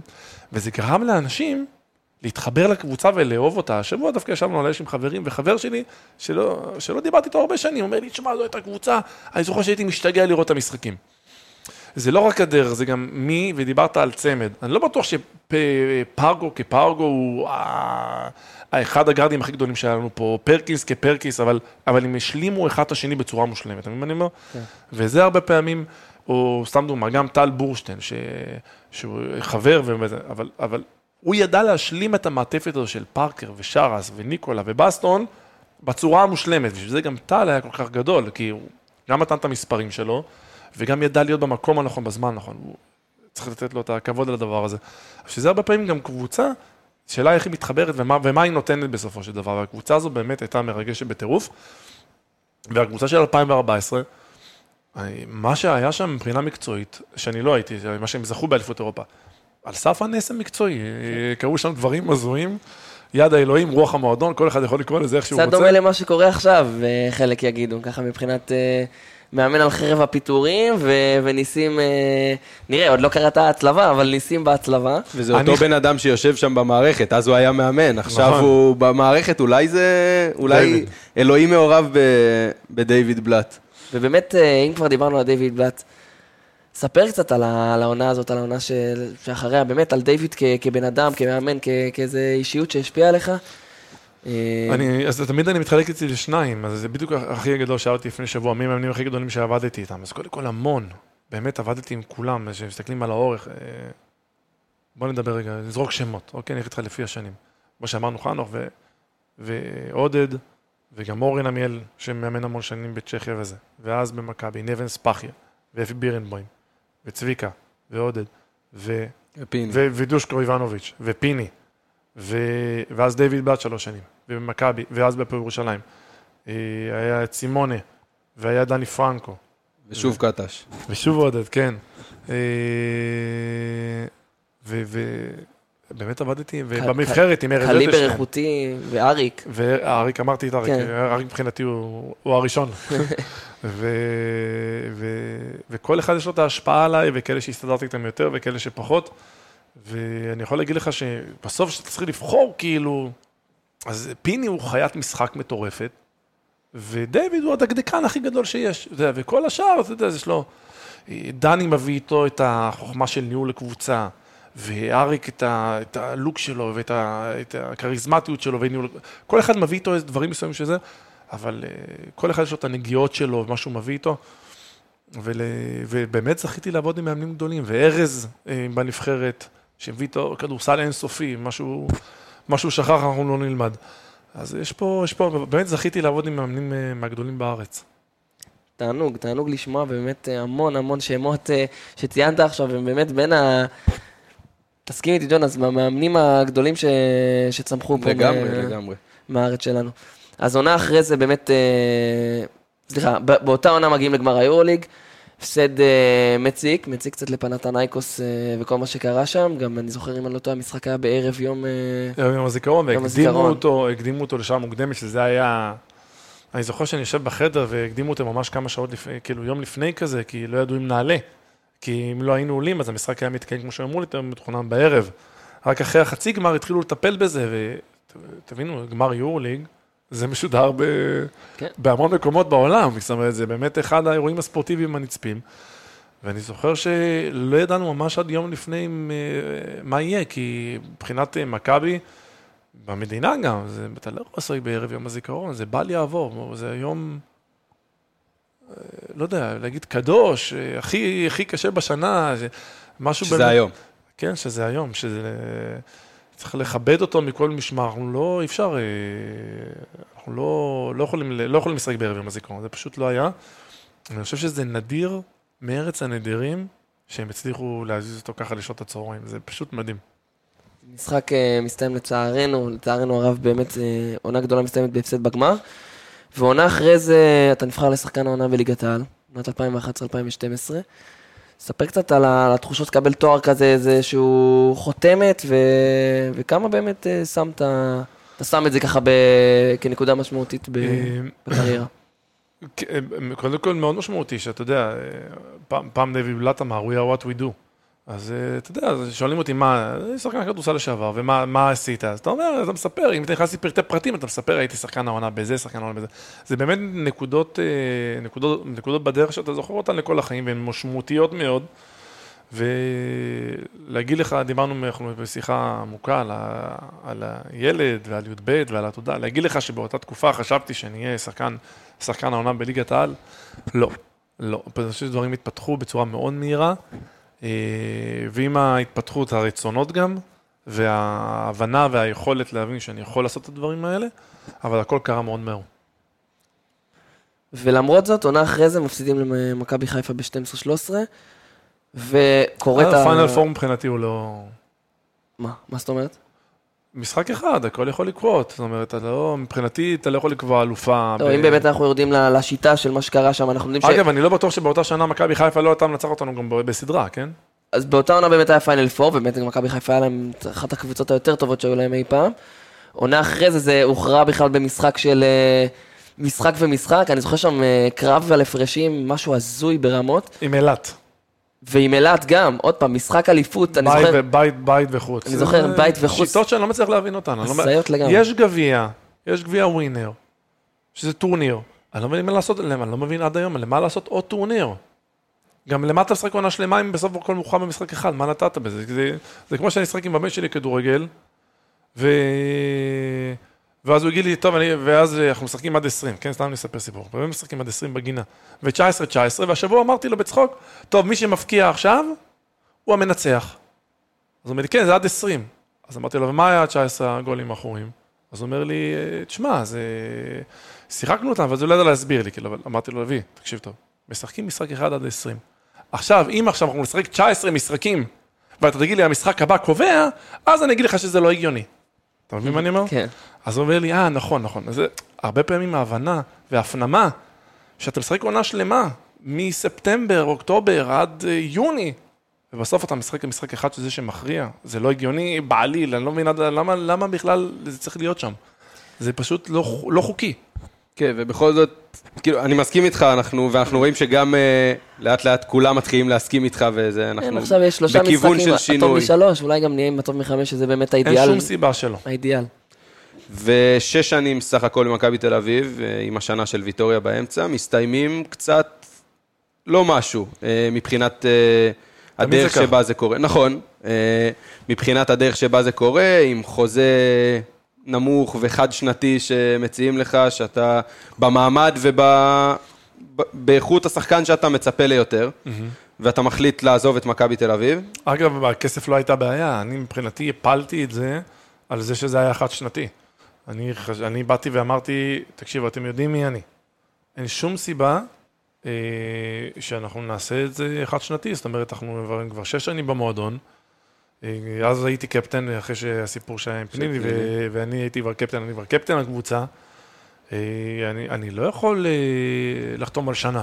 מה זאת אומרת, אם אני לא יודע בשנה הזאת, תחתכו אותי כאילו אחרי השנה הזאת, כאילו איפה המעמד שלי כשחקן ישראלי בשש שנים במועדון? השאלה היא למה דווקא בכדורסל זה תמיד ככה, כי אנחנו רואים ב... לא יודע, נגיד ניתן לך ענפים כמו בכדורגל, אולי לא בארץ, אבל שחקנים שנותנים עונה, שחקני מועדון, מאריכים להם את החוזה ונותנים להם את הכבוד הראוי, למה בארץ זה... אני, אני חושב ככה. שבמכבי באותה תקופה, אה, הם, הם לא רצו שאני אמשיך, אה, וזו הייתה הדרך שלהם, כי, כי ב, אני, לא, אני לא חושב שבמכבי היא רוצה שחקן, אז היא לא, לא משיגה אותו. אלא אם כן הוא לא רוצה. בטח לא שחקן ישראלי. אה, אלא אם כן הוא לא רוצה, אבל, כן. זה משהו אחר. אבל אני, לא, אני באותה תקופה לא רציתי לעזוב את המועדון, אבל ברגע שהעמדתי את התנאי הזה, ואני חושב שהוא לגיטימי, ומי של, שלא מבין אותו, אז פשוט לא היה במעמד שאני הייתי, בשביל לבקש את הדבר הזה, שמבחינתי הוא לא דבר גדול. באמת, באמת, אני אומר גם עכשיו, הכסף בכלל לא הייתה בעיה. זאת אומרת, מה שהם הציעו, אני אמרתי, בסדר, רק תעשו חוזה ארוך טווח. אה, וזהו, וזה משהו מבחינתי שהוא היה בא לי לעבור, כי מבחינתי גם היה תחושה של אה, לא רוצים. זאת אומרת, אה, וקשה להיות במועדון ולשחק כדורסל ברמות גבוהות במקום שלא רוצים. כן, ואז אתה עובר להפועל ירושלים, שדרך אגב זה לא פעם ראשונה שהפועל ירושלים אה, חושקת בשורותיך. גם עם גיידמק עוד בעבר, ש... בפעם הראשונה, נכון. כן, לפני ש- שחתמתי במכבי. לפני שחתמת במכבי, שהפועל ירושלים מאוד רצתה שתגיע, ואתה ביחד עם אבא שלך החלטתם אה, לעבור למכבי תל אביב. אה, ואתה מגיע להפועל ירושלים, למועדון שמנסה לבנות את עצמו למעלה. נכון. ואתה מגיע בתור זה שצריך לקחת אותו למעלה. וביותם, כן. נכון, אה, למעשה אה, קרה שם איזשהו מהלך מאוד מהיר, אה, כשאורי אלון הגיע עם אייל חומסקי וגיא הראל המנכ"ל, למעשה השתנתה, הפועל ירושלים שינתה את פניה, ואני לאו דווקא אה, אה, אה, שמתי את, אה, את כל המחשבה שלי דווקא במבנה, בארנה. אני חשבתי שמה שישנה את הפועל ירושלים, וצדקתי אגב בעניין הזה, אני חושב שמה ששינה את התפיסה של הפועל ירושלים זה הארנה. כי כשאתה משחק באולם כמו מלחה, ישן, עם אלפיים איש, זה נותן לך תחושה של קבוצה מקומית, חמודה, נחמדה, שמנסה לעקוץ מדי פעם. אבל כשאתה מגיע לארנה, אה, הייתם בארנה? אני כן. מבקר קבוע. נכון, אתה קבוע ואתה... קודם כל, ב- הייתי, הייתי, יש משהו בארנה הוא שאתה בנוי כמו איזשהו אולם NBA. נכון. ואז אתה מגיע, ואז הת- התפיסה לגבי קבוצה משתנה כשאתה רואה אולם כזה. ושאתה יכול להכיל, סתם לצורך התפיסה, אה, אה, כמובן שההנהלה הגיעה, וגם יותם וגם אני, אבל, אבל מספר המנויים אה, כמעט שילש את עצמו ברגע, שעברו לארנה. אז זה מראה ש, שגם הקהל בעצמו תופס את הקבוצה, בקבוצ, ב, ב, תופס את הקבוצה בתפיסה אחרת, כשהוא, כשהוא, כשהקבוצה נמצאת באולם כזה. ו... ו... ורואים את זה, אני חושב שהתפיסה של הפועל ירושלים השתנתה לחלוטין מאז שעברה לארנה, בעיקר עם ההנהלה החדשה. זה הכל גרם לזה שהפועל ירושלים שינתה את הורה ואת, ה... ואת התפיסה של הקהל הרחב בכלל בארץ אליה. אחרי העונה הראשונה, שהייתה קצת מאכזבת עם כל הציפיות, משהו בך חשש או לא האמין שזה יכול לקרות? כן, כי הפועל ירושלים הוא אה, מקום מאוד לחוץ, אבל יש משפט שאני לוקח אותו לאורך כל הקריירה, שהוא אומר, אה, זה לא הלחץ ששובר אותך, זה הדרך שאתה סוחב אותו. וזה משפט מאוד מאוד חזק ומאוד מאוד עמוק, כי יש כאלה שישחקו בליגה שלישית והלחץ ישבור אותם, כי 1, 2, 3, 4 העירו להם, ויש כאלה שישחקו במשחק גמר מספר 7 ב-NBA ולא יזיז להם כלום, כי זה פשוט מה שהם.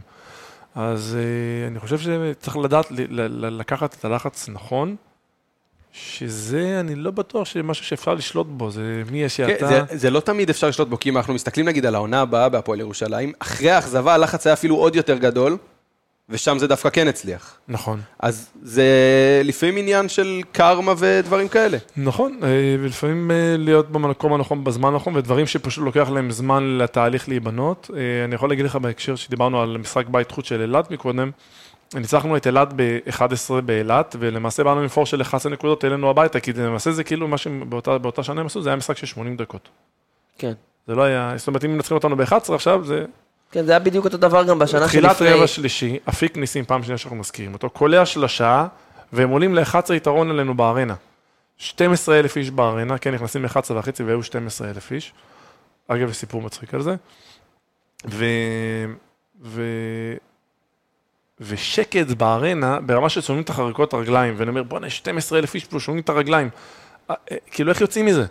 אני זוכר שברייסי רייט קלע סל, ואז אני קלעתי סל, וירדנו לשבע, ופתאום התחילו להשתחרר דברים, ואז רצנו איזו ריצה מטורפת, וברחנו להם לאיזה 15 הפרש פלוס לנו, זאת אומרת, היינו רחוקים של איזה 25. פלוס 26, כן. בדיוק.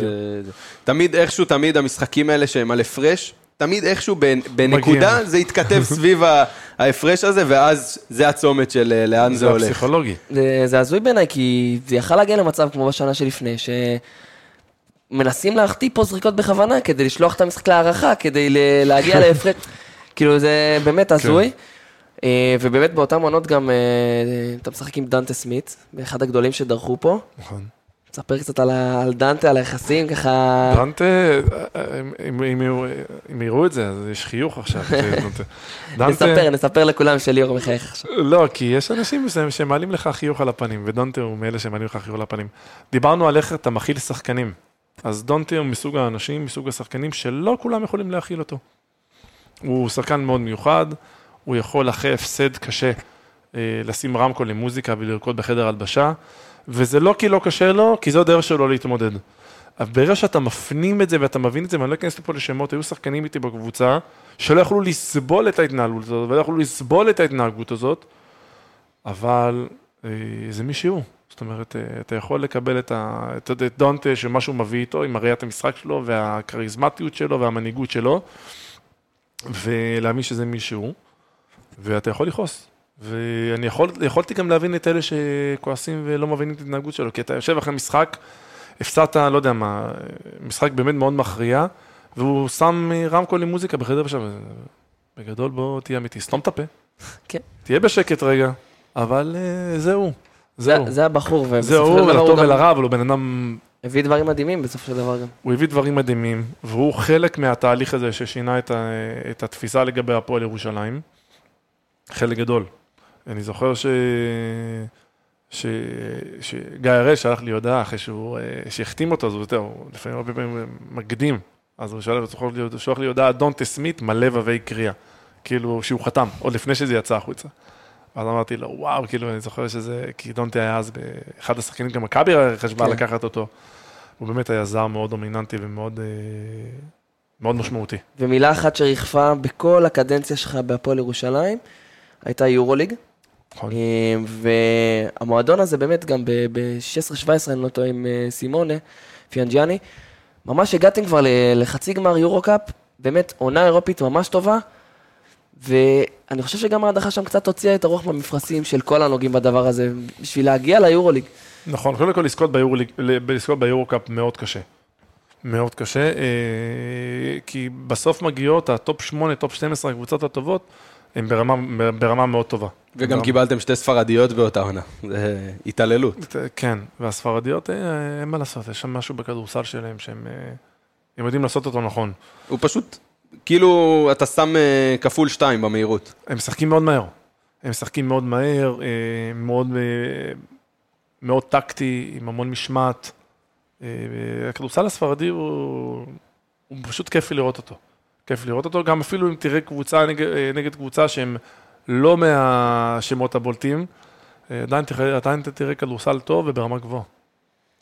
מסכים איתך לגמרי, ואז אם תסכם ככה את, אה, באמת את עניין היורו- היורוליג, מה, מה חושב צריך? ש- אתה חושב אני- שזה אני- פשוט ליגה סגורה, שזה לא, לא משהו שפשוט אפשרי להתקבל אליו, או שזה מצריך פה- איזושהי אין פה התאמצות? דעה, זה עובדה.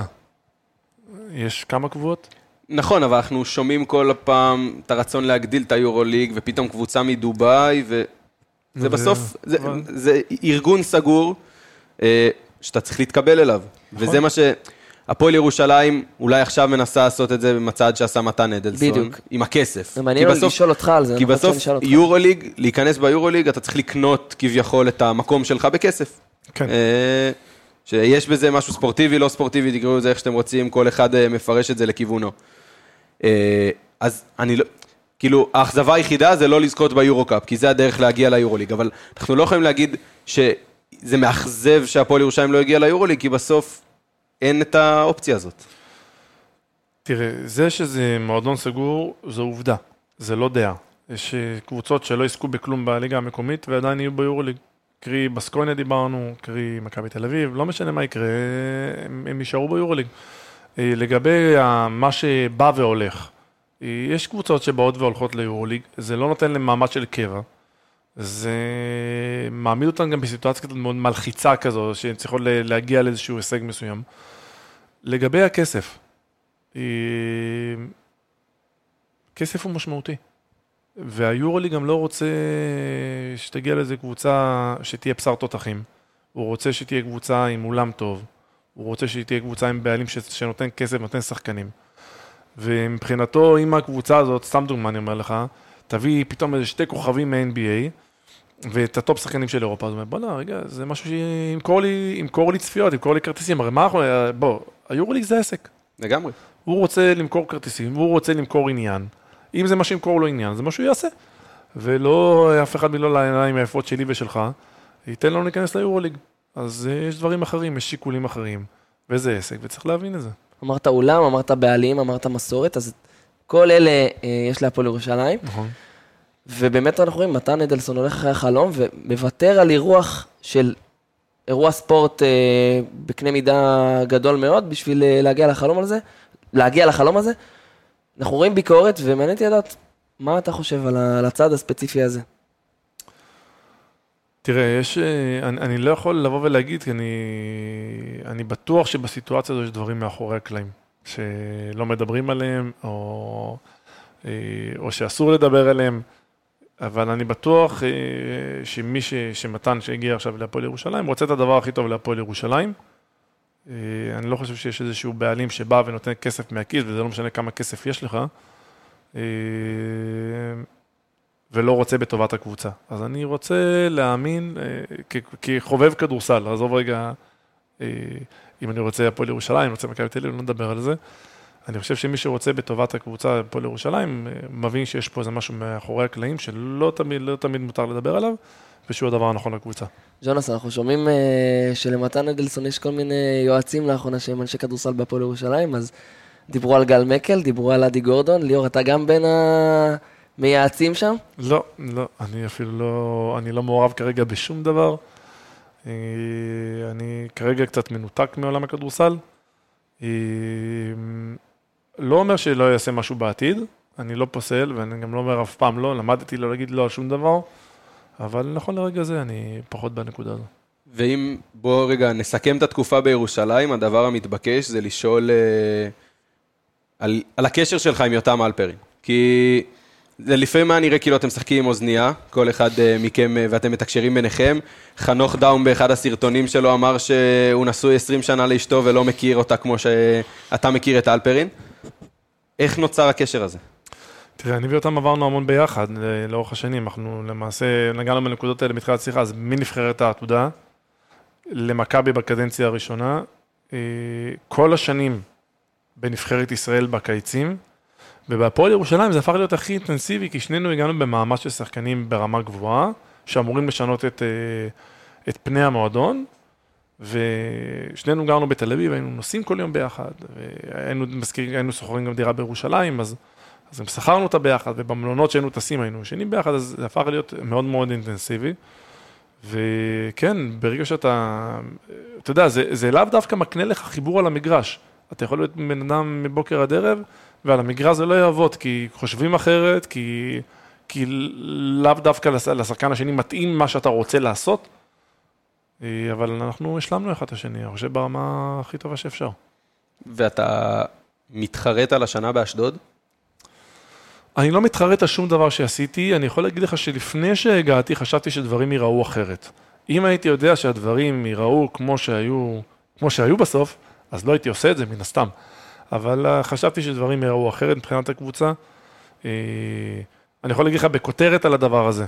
אני ידעתי שעם שתי, שלושה, קונספט של שלושה זרים, אם לא בומבה כל אחד, ועוד שתיים, שלושה ישראלים אה, דומיננטיים, אי אפשר להצליח באמת בליגה. לא רק שלא היינו עם שלושה זרים טובים, היינו לכמעט כל הסיבוב הראשון עם שתי זרים, שאחד מהם, אבא שלו, אחד מהזרים, אבא שלו נפטר שלא נדע, אז הוא היה צריך לנסוע לארה"ב לתקופה, ונשארנו עם שתיים שגם לא היו שחקנים ברמה כל כך גבוהה, ועדיין הצלחנו לגרד פה כמה וכמה ניצחונות פה ושם, אבל אני לא חושב שהייתה זכות אה, לאשדוד באותה תקופה להישאר בליגת העל. וגם פציעה וגם קורונה בעצם אה, שמו חותמת על אה, קריירה אדירה. אתה, כשהגיעה קורונה אתה כבר אמרת לעצמך, שברתי הנה זה הזמן? שברתי את. האצ... שברתי את האצבע, התחילו לי המחשבות על פרישה, כי אמרתי, רגע, קרתה, קרתה הש- השנה הזאת, אה, גם כשהיא תסתיים השנה הזאת, אני לא חושב שאני אגיע לקבוצה ברמה גבוהה, זאת אומרת, אני לא אגיע עוד פעם לירושלים מול המכבי, והייתי כבר בן 35, ואמרתי לעצמי, מה אני עושה? ו... ונשלחה לי, אתה יודע, כל אחד לקח את הקורונה בצורה, כל אחד לקח אחרת. אז אני במקרה שלי, כמו שאמרת, זה, זה היה גושפנקה לזהו.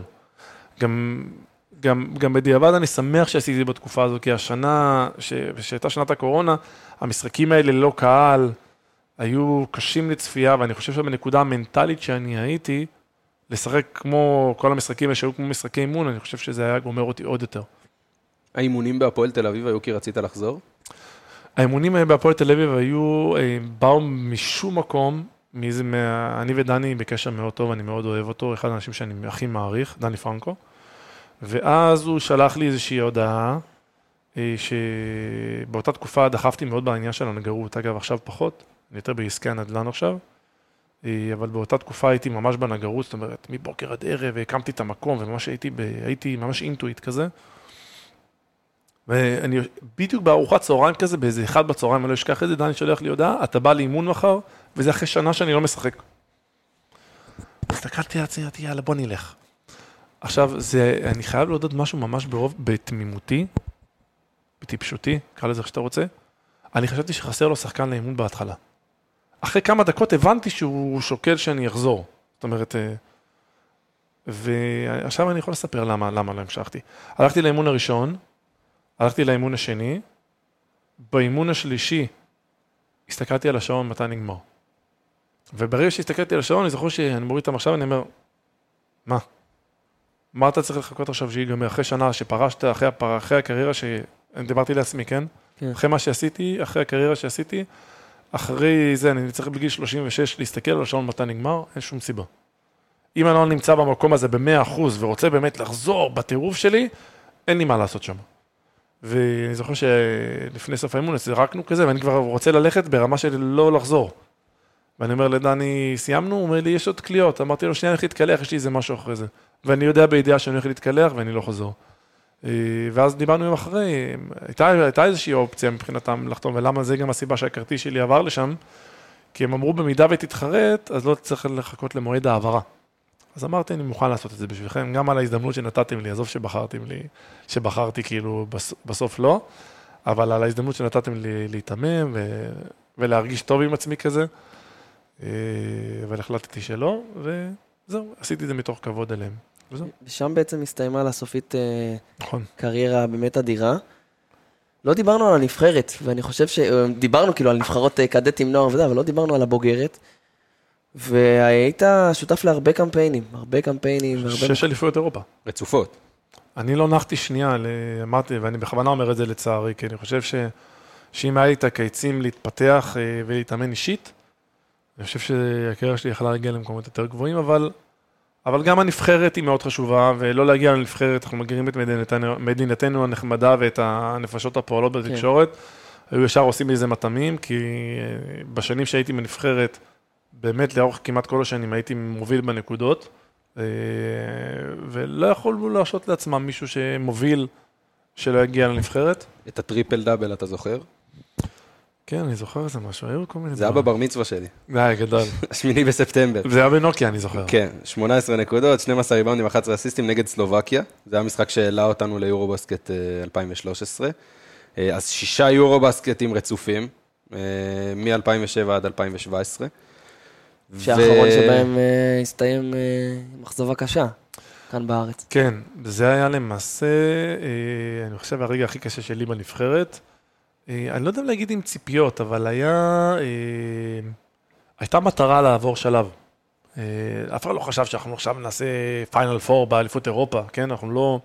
אנחנו לא שם. מקומנו הטבעי, אני קורא לו... אני בכוונה נותן מרווח גדול. מקומנו הטבעי הוא 8 עד 16. כי זה יכול להיות, אתה יודע, שנים כאלה ושנים כאלה, ולא סתם אמרתי מספר זה. אה, מספר גדול, כי יש שנים שאתה יכול לסיים תשיעי, שמיני, אה, לא שמיני, תשיעי, ויש יש שנים שאתה יכול לסיים ב-16, תלוי בטיב הקבוצות, תלוי בטיב הטורניר, אבל כן, זו הייתה אכזבה. זו הייתה אכזבה, אני חושב שהיינו צריכים לעבור שלב. אגב, זה היה על חודש הנקודה, אה, בהערכה שם מול גיאורגיה, אם אני לא טועה. הפסדנו את זה, ואתה מנצח, והכל נראה אחרת. מה זה היה? זה היה יותר הלחץ? זה היה יותר... אה, היה המון לחץ, המשחק של המשחק הראשון נגד איטליה, אה, פשוט שום דבר לא הלך לנו. אני זוכר שבמשחקי ההכנה היינו, עשינו דברים מסוימים ושום דבר לא הלך לנו. אני זוכר שהיינו איזה 3-4 דקות לפני סוף המשחק עם 42 נקודות.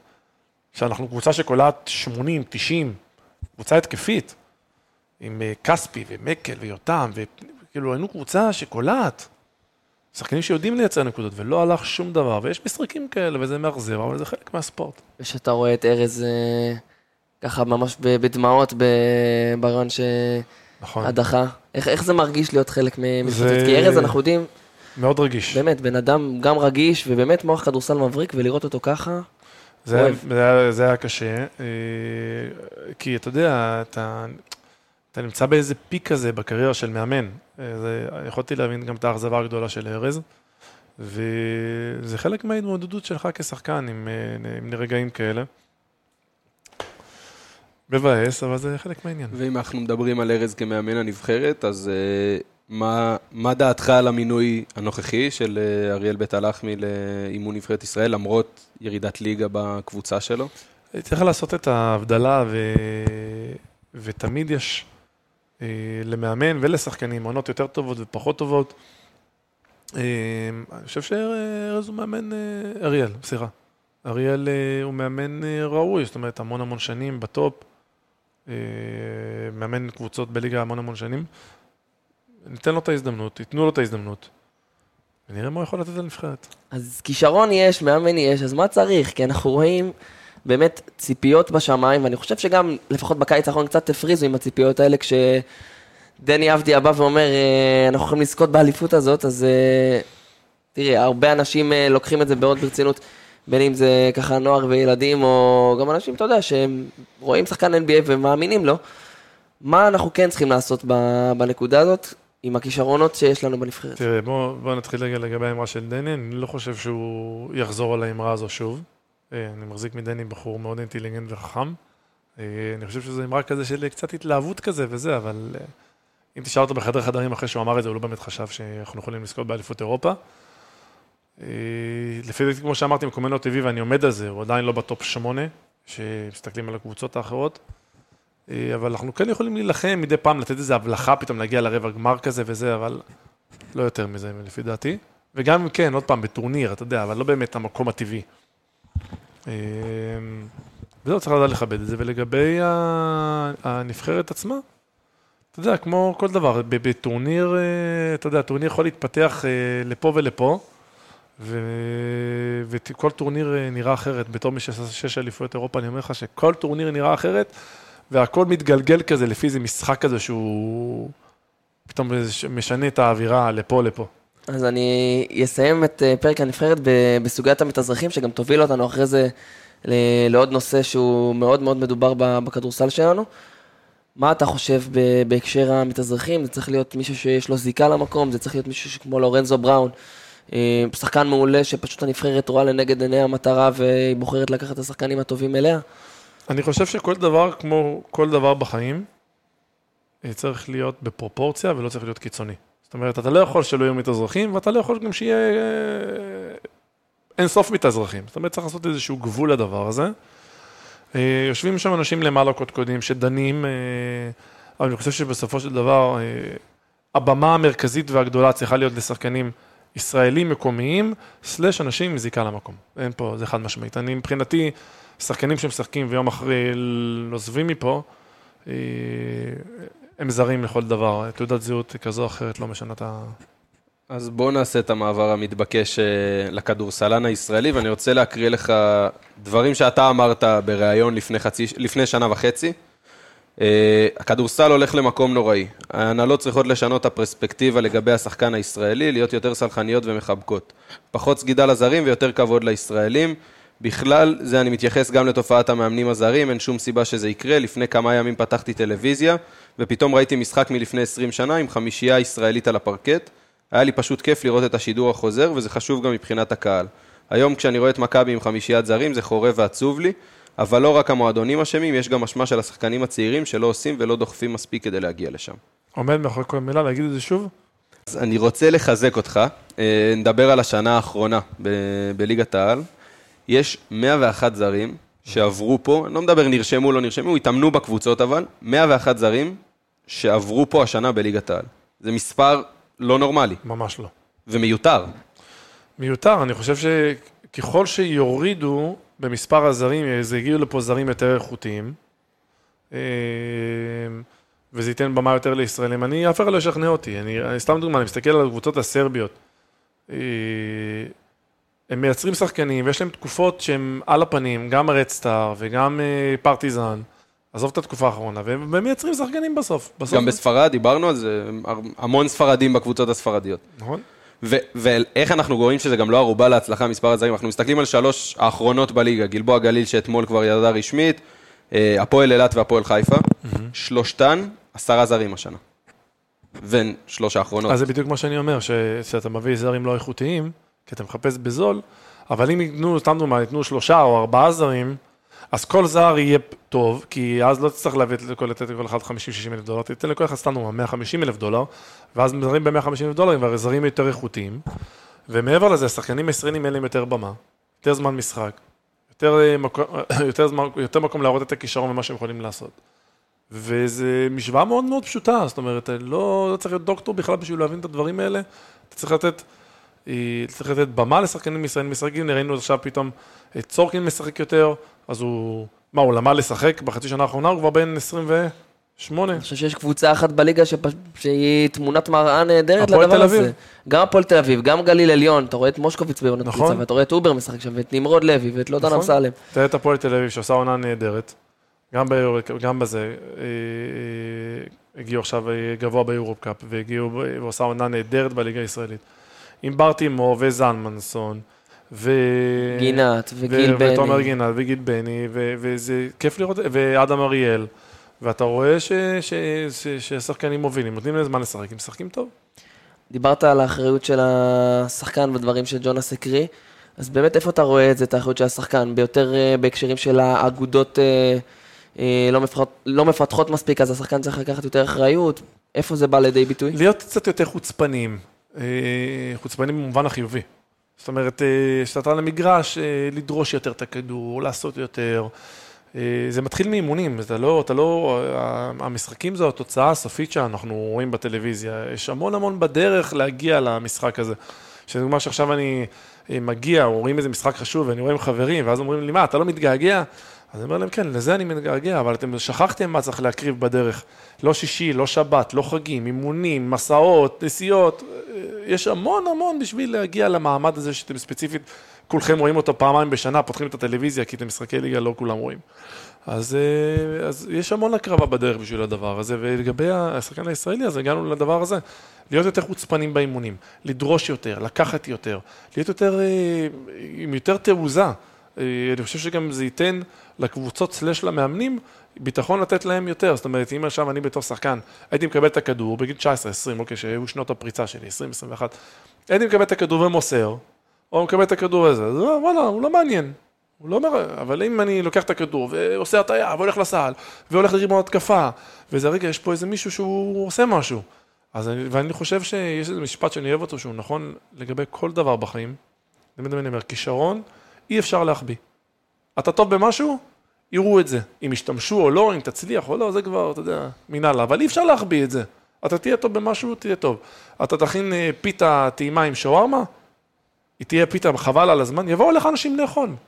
אתה תעשה מסעדה טובה, אתה, אתה, אתה, אתה מכין, אה, מכין שולחנות. אתה מכין שולחנות יפים, מסודרים, נקיים, כמו שאנשים אוהבים, אנשים יבואו לקנות ממך. לא, זה, זה נכון גם מבחינתי לגבי שחקן כדורסל. אתה טוב, אתה בעל תעוזה, אתה יוזם על המגרש, אתה עושה, אתה משנה את המשחק, אף אחד לא ירצה, שום מאמן, אה, שום מאמן או הנהלה לא- לא יגרמו לשחקן לא לשחק אם הוא טוב. זו התפיסה שלי מבחינה זו. אז מי החוצפנים שאתה כן רואה היום בכדורסל הישראלי שלנו? אני חושב שהיום יש כמה שחקנים חוצפנים. אה, עוד פעם, נגדיר, כן? חוצפנים במובן חוצפנים החיובי. במובן החיובי, כן. אני חושב שאלה שמובילים את הליגה, הישראלים שמובילים את הליגה, הם, הם, הם, הם שחקנים שהם חוצפנים. לא ניכנס עכשיו לשמות אחד-אחד, אבל בכל קבוצה יש איזה אחד-שניים כאלה, אבל uh, צריכים להיות יותר. מסכים, מסכים איתו ג'ונס. טוב, אז אנחנו ממש לקראת סיום, אנחנו ניגע ממש בקטנה בנדל"ן, בנגרות, בדברים שאתה עושה היום, זה, זה משהו שאתה מוצא ממנו, בוא נגיד ככה, זה גורם לך לחייך הדברים האלה יותר מהכדורסל, פחות, או שיש בך את הגעגוע? אה, תראה, אני מאוד אוהב כדורסל. אה, אני יודע שלהתעסק בכדורסל זה 24/7, ולכן אה, אני נמצא היום בנקודה כבן אדם. אה, אני, אני טוען שלחיים האלה יש הרבה מה להציע ויש הרבה מה ללמוד. אז יש לי המון המון תחומים שמעניינים אותי, לאו דווקא בקטע של אה, פרנסה, המון בקטע של ללמוד אפילו. מעניין אותי לצלול, ומעניין אותי אה, ללמוד לתופף, ומעניין אותי לנגן על גיטרה, ומעניין אותי ללמוד את כל הקטע של הנדל"ן, ואת הנגרות כבר איפשהו הגשמתי, למרות שזה גם, יש עוד המון דברים שאפשר ללמוד ולעשות. אז כאילו יש המון דברים להציע, ושאני יודע שאם אתה מתעסק בעולם הכדורסל, זה 24/7 וזה לוקח ממך הכל כדי להצליח. אה, ולכן אני דוחק את הדבר הזה, כי יש המון דברים. אני יודע שאם אני אכנס לעולם הזה שוב, אני אדחיק את כל הדברים שאני אוהב הצידה עוד פעם. קיצור, כרגע לא, אבל. אה, לא, כן, לא פוסל. אבל אני מעריך, פוסל בעתיד. אבל אני מעריך גם שאם יש איזה משהו שיקרוץ לי ויבוא לי פתאום, ואתה יודע, דברים צריכים להתחבר, אז אני כן אהיה שם ב-100%, אני לא אעשה משהו שהוא לא 100% איתו. קרי העניין עם הפועל תל אביב. כן. טוב, נראה לי שאנחנו ממש אה, באקט הסיום. אה, אנחנו נוהגים לסיים אה, פרקים כאלה באסוציאציות. אוקיי. אז אני אגיד לך ככה מילה, אתה תשתדל במילה אחת. איב מודי לא יצליח במילה אחת, אבל אני בטוח שאתה תתעלה עליו, מה שאתה חושב. אז נתחיל. דנק, פשוט, אסיסט, כיף, מכבי, כוח, ירושלים, מתפתחת, עדיין. כל נ- הזמן. נגרות, חיוך. NBA, אה, NBA? חשבתי שתגיד פספוס אולי. לא. לא, לא, לא, עשיתי הכל בשביל זה, אני מסיים עכשיו על מילה, אני עכשיו נחזור לזה אחרי זה, נו. אז אני במילת הסיום, אז אה, כדורסל. החיים. מפתיע לראות ש, שזה חוזר על עצמו, הפירוש של המילה כדורסל, אה, ג'ונס? כן. כי זה באמת חיים שלמים, זאת אומרת, אתה, אז אתה מסתכל על כדורסל, אז מה, יש לך קבוצה, יש לך חברים, יש לך ניהול. אני חושב שכשאתה נמצא בתוך כדורסל, בתוך עולם הכדורסל, זה חיים שלמים. זה בועה, אבל זה חיים שלמים. במקרה של כדורסלן שמשחק המון שנים, אז זה הופך להיות החיים שלך. מילות סיום, ג'ונס. פשוט כיף לשמוע אה, מישהו שזה מה שהוא עשה בחיים שלו ומדבר עדיין בתשוקה על, ה, על הענף הזה, למרות שהוא כבר לא חלק ממנו וזה, וזהו, מרגש בשבילי, כן, יודעים פה, במאזינים יודעים שאני אה, בצד של הפועל ירושלים, ובשבילי אה, ליאור אליהו מגיע לאולפן זה, זה חלום רק אה, להיות במרחק הזה, אז אה, תודה ממני ש, שאתה פה. בכיף, תודה לכם. מסכים עם כל מילה, באמת תענוג. תודה על האירוח. אה, ובאמת, אנחנו בסיום הפרק נציין שוב, חלק מרשת האנליסטים של רפאל קבסה הגדול. מעבר לכך, דברים עולים, טיק טוק, אינסטגרם, קטעים. הפרק הזה יעלה ביום חמישי, אחרי יום העצמאות, אז שיהיה לכם ככה לסופה שניים. תודה רבה לשניכם ותבלו.